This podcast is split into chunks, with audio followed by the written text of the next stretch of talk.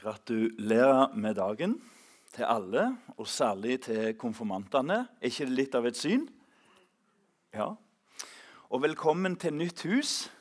Men det vil vi ikke snakke om, fordi det er disse som skal stråle, og jammen gjør de det.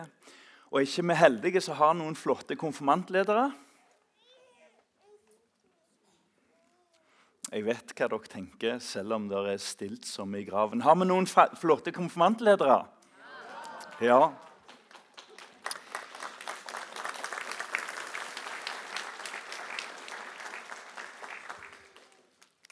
Um, jeg heter Aslak Tveita.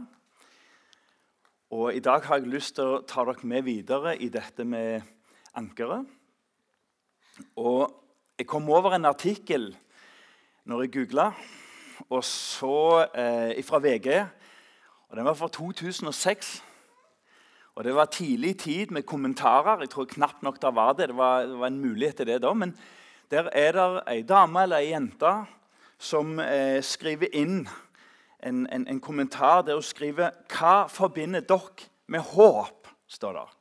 Hva forbinder dere med håp? Og så bare sender hun den ut i Norge. Og Så skriver hun at eh, hun har akkurat begynt å ta tatoveringer. Hun har planer om å ha syv stykker, og de skal være på kinesisk. Og De skal handle om følelser, om hat og bitterhet, kjærlighet, medlidenhet osv. Det skal være altså om følelser. Og Så skriver hun at um, tre av dem vil hun ha på venstresida. Og um, der skal de vonde følelsene være skrevet opp på kinesisk. Og, eh, eh, og, og, da nevnte du frykt. Og så nevnte du eh, eh frykt og, og, skam og de tingene. De lå her. På høyre hånda der skulle hun ha de gode følelsene. Og Det var sånn som kjærlighet og medlidenhet. Hun har kommet i gang med én tatovering, og det var kjærlighet. og Det syns jeg var en god måte å starte på. Og så eh, er vi jo da kommet til seks tatoveringer. Og det er her egentlig spørsmålet hennes kommer. Og jeg synes Hun skriver det godt. Hun vil ha en siste tatovering midt på ryggen. Og Det er en tatovering som skal ha noe med håp å gjøre. Og, og, og det kan være et bilde Eh, noe som symboliserer mm, håp i form av f.eks. en solnedgang. Det kan være en nattehimmel, det kan være en utsikt. You name it. Og så bare sender hun ut spørsmålet hva forbinder dere med håp? Og så avslutter hun egentlig ganske sånn personlig. Hun skriver at hun trenger noe bak på ryggen som, som gir håp til å fortsette dersom jeg er langt nede skriver hun. Håp til å fortsette dersom jeg er langt nede. Og så var det ikke bare hun, men så kjenner vi oss igjen. Noe som kan gi oss hjelp til å fortsette når en er langt nede. Det var ett svar. Og Det er òg ei dame eller ei jente som svarer veldig kontant. Hva med tro, håp og kjærlighet? Tro eh, eh, som et kors, anker som et håp, og, og, og, et hjerte som kjærlighet. Og Da tenker jeg at du skal ha et anker på ryggen din. Og På kinesisk så er vel det det samme, er det ikke det?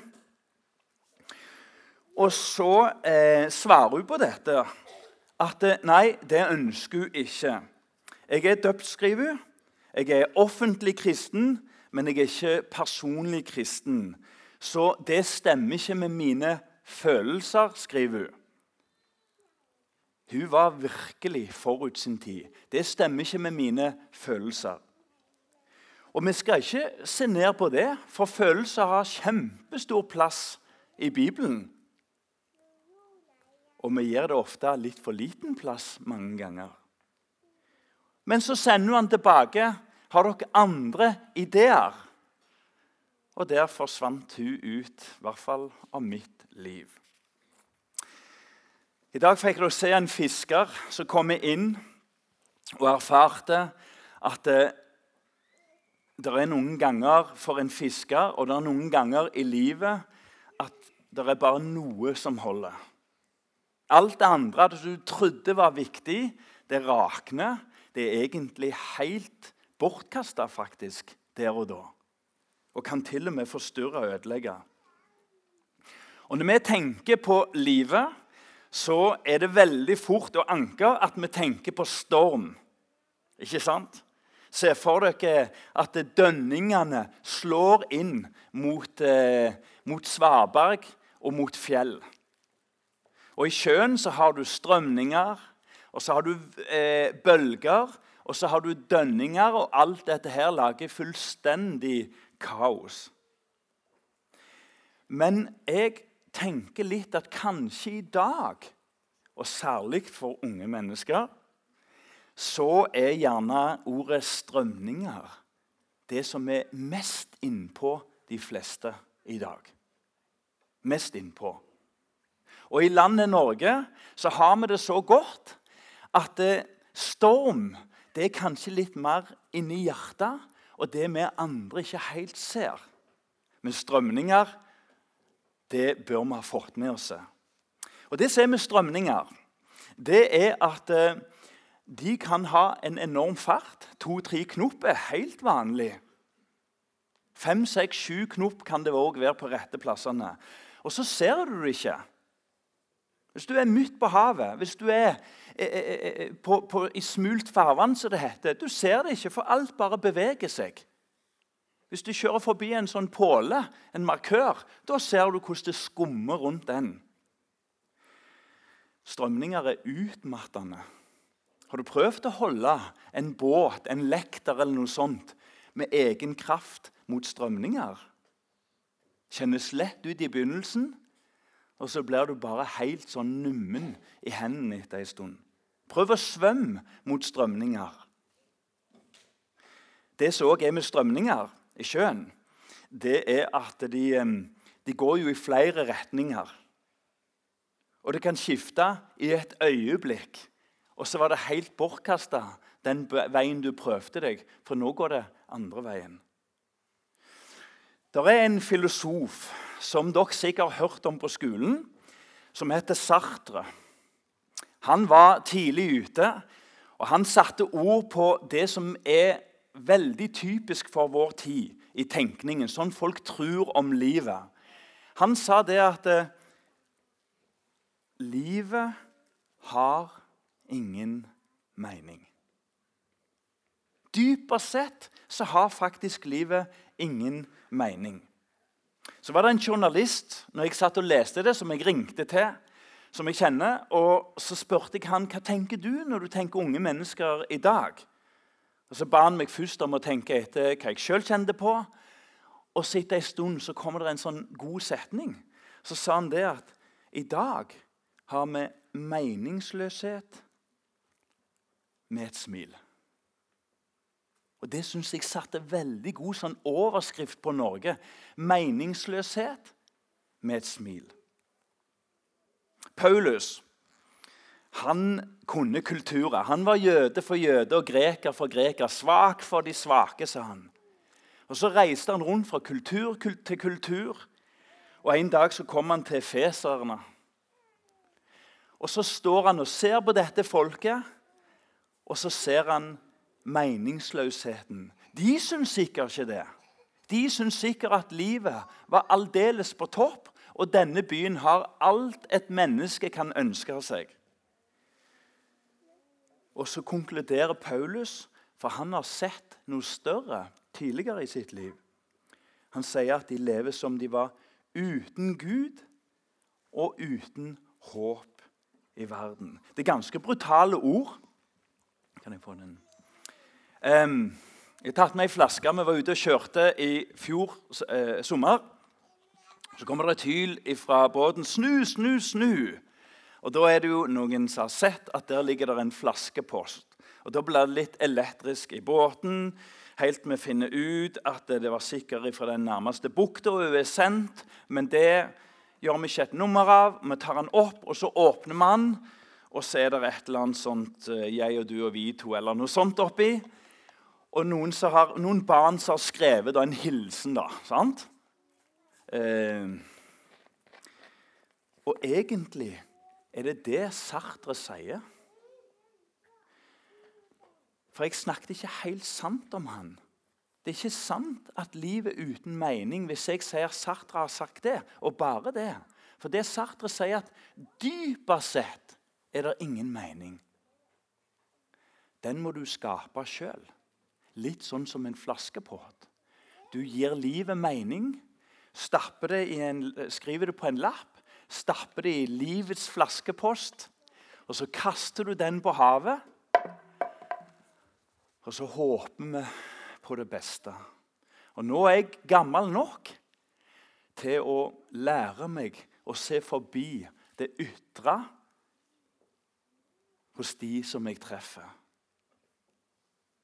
Vi ser at selv om det ser veldig meningsfylt ut, så hender det av og til jeg tenker her er det tomhet. Og det er litt vanskelig å både dele og av og til å tenke. Eh, vi sier jo at eh, vi vil gjerne gi livet mening. For nå kan det jo høres ut som at eh, alt er tomhet. Men på, på, på Kleppe bedehus der, liksom, der, har du alt. Og det er jo en altfor bred pensel å, å, å male sånn. Men jeg har bare lyst til å si litt om typiske ting som vi tror på i dag gir mening. Og For veldig mange er utdannelse viktig. Og det er Noen som skulle ønske at jeg tok det litt mer viktig, eh, litt mer alvorlig. Men det er litt interessant at det som var Europas eh, land som var fremst i utdannelse, Tyskland, var òg det landet der nazismen grodde best. Er ikke det litt interessant? til oss å tenke at hvis vi bare vet mer, så får vi et sunt og godt perspektiv på livet. Og Kirka starta jo konfirmasjonsundervisning nettopp for at en skulle lære å forstå. Men i dag er vi kommet til et punkt der vi tror at utdannelsen er selve meningen med livet. Sånn kan det av og til virke.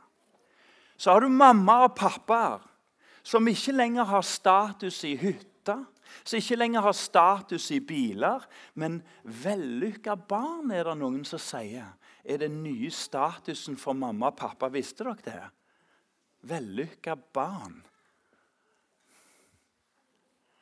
Det er ikke vellykka barn. Det er et håpløst prosjekt. Men det er verdifulle barn. Det er bare verdifulle barn. Og det er bare verdifulle ungdommer. Og jeg har lyst til å si unnskyld. Tilgi oss voksne som lar oss henge på drømmen om vellykka, ikke-eksisterende barn.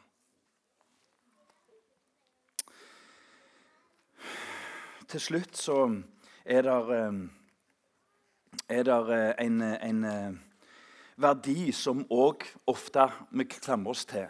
Og det er anerkjennelse. Men vi vet jo det, når vi har levd noen år, at det er som en ond sirkel. For du får aldri nok. Og identiteten din er til stadighet å bli anerkjent. Til stadighet å bli lufta opp over allmuen, folk flest. Vet du hva?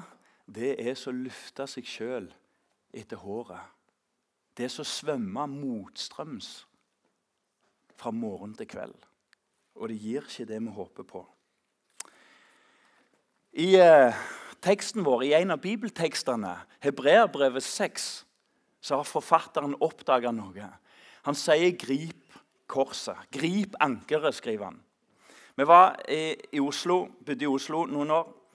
Og Der har du noe som heter Malmøybukta. Det er ei perle der det ofte er stilt, smult farvann. Og Det ligger hundrevis av båter. Og En dag så var vi og familien der, og så kommer det en messebåt. Vet du hva en messebåt er? Det er de som har kjøpt båt på messa bare noen uker i forveien. Og Det ser du på at de kommer halvplanene inn. Det gjør du bare ikke. Det er flaut. Og så ser du òg at de har ikke peiling på at på en blank sjødag så hvisker du, for det går én kilometer. Ei grassate krangling på vei inn i bukta. Og kjefting, særlig for han som trodde han var skipper. Og så står eh, fruen framme på dekket, og så etter masse bakking Det heter ikke rygging, det heter bakking. Og fram og tilbake så skriker han 'Hiv, hiv ankeret', da! Sant? Og på sjøen så skriker vi ikke. Vi gir bestemte beskjeder. Det er noe annet. Og hun hiver ankeret, og tauet med. Et baluba, og de bare smyger ut av havna, flaue og sinte. Det er et eller annet med å tørre å binde og fortøye ankeret, bruke tauet, til båten. Det er noe som heter kjekteras på Sørlandet. Og Det er ganske fascinerende, for det er mellom holmer og berg.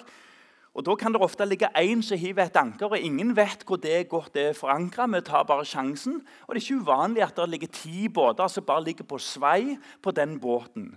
Dere som er konfirmanter, dette er ei tid for å egentlig kaste dere anker. Og det er ikke så kjekt å egentlig alltid å lene seg på en venn eller på foreldre. Det er en tid for å kaste eget anker. Og det er en del som tenker at når jeg kaster ankeret og, og binder det til tauet, binder det til Kristus, ja, da er nei-livet begynt. Ja da. Til denne tro og forsakelse er det vi døper barnet. Forsakelse. Men vet du hva? Spør misjonærer som har satsa alt og lagt ut på tidenes reise. Tidenes livsreise. Med tryggheten om at alt er forankra i Jesus. Grip håpet, grip ankeret. Og så til slutt hvor kaster vi et anker? Jeg, jeg, jeg, jeg, sa, jeg, til og med ba om det. altså. Ba til Gud om dette. Nå Aslak, må du ikke stå der framme og være arrogant. For jeg er vokst opp i Tananger. Jeg har vært i båt eh, veldig mye. Og da blir det litt sånn Dere andre, landkrabber og Aslak. Unnskyld. Det er noen som sier at jeg oppfører meg sånn. Men hvor kaster du et anker? Har du sett når folk går inn til et svaberg, og så er det plops rett ned? Åh, Er det mulig? Du gjør jo ikke det. Det er ikke tilfeldig hvor du hiver ankeret. ikke sant? Og I teksten vår så er det en hemmelighet. Og Hvis vi ikke har fått med oss den hemmeligheten der, så har vi egentlig bomma på alt i kristendommen. Absolutt alt. Det blir liksom litt sånn som han. VHF, redningsvest, ja, ja, ja, ja. Men da har vi bomma på alt. Det som er interessant, det er det at eh, forfatteren av hebreabrevet sier at anker er kasta bak forhenget. Ikke en eller annen plass, ikke rett ned. Men, men forfatteren har erfart hvor ankeret er hen. Bak forhenget. Og det er henta fra tempelet i Jerusalem, eller tabernaklene når de reiste rundt i ørkenen. Og Da vet vi at eh, for I tempelet så var det hedningens forgård, så var det forgården, og så var det helt innerst så kom det aller helligste. Det hellige av det aller helligste. Og Der hadde de noe sånn som dette. Et voldsomt tjukt teppe som det, det, det, var helt umulig for en mann å bare rive. Og jeg tror også det var sånn at Du kunne ikke bare uten videre ta en kniv og liksom skjære et hull. jeg vil se inn. Det var et veldig sterkt teppe som hang der, som skulle symbolisere at eh, Gud er hellig, og vi er vanhellige. Og han lengter etter oss. Men vi kan ikke møte Gud. For det hellige går ikke sammen med det vanhellige hellige. Og så er det en hemmelighet her. Det er at det, dette ankeret det, Jesus han har lagd en vei helt innenfor dette forhenget. Og Det er derfor dere ser dere, dere har hvite kapper. Har dere fått med dere det? Jeg tenker litt biskop og prest òg, jeg. Men det er ikke derfor dere har de. Det er noe utrolig flott symbolikk i de hvite kappene. Dere er ikledd Kristus. Husker dere Moses når han kom eh, eh og Gud kalte på han opp på fjellet? Eh, opp der, Så står han, og så brenner det en busk. Og så blir Moses, svære mannen, godt voksen, livredd. For det er Gud som er der. Og så sier Gud, ta av deg på skoene, for du er på hellig grunn. Og Moses går derifra livredd, for han visste jeg har sett Gud. Det er ute med meg. Men i Kristus, ikledd i Kristus, så står det ikke bare det at du kan krype og be om tilgivelse og unnskyldning. Og når du er langt nok nede, eller hendene høyt nok og lukka øyne, og du tilber Gud, ja, da tar han imot deg. I Bibelen står det at Gud tar imot en sakkmodig ånd og et nedbøyd hjerte. Så det er det jeg har lyst å utfordre dere til at å knytte seg til ankeret er egentlig å knytte seg til frihet. Til Han som vil ha et fellesskap med dere. Gud er ikke på jakt etter avstandsforhold og frykt. Han er på jakt etter familieforhold. Gratulerer med dagen.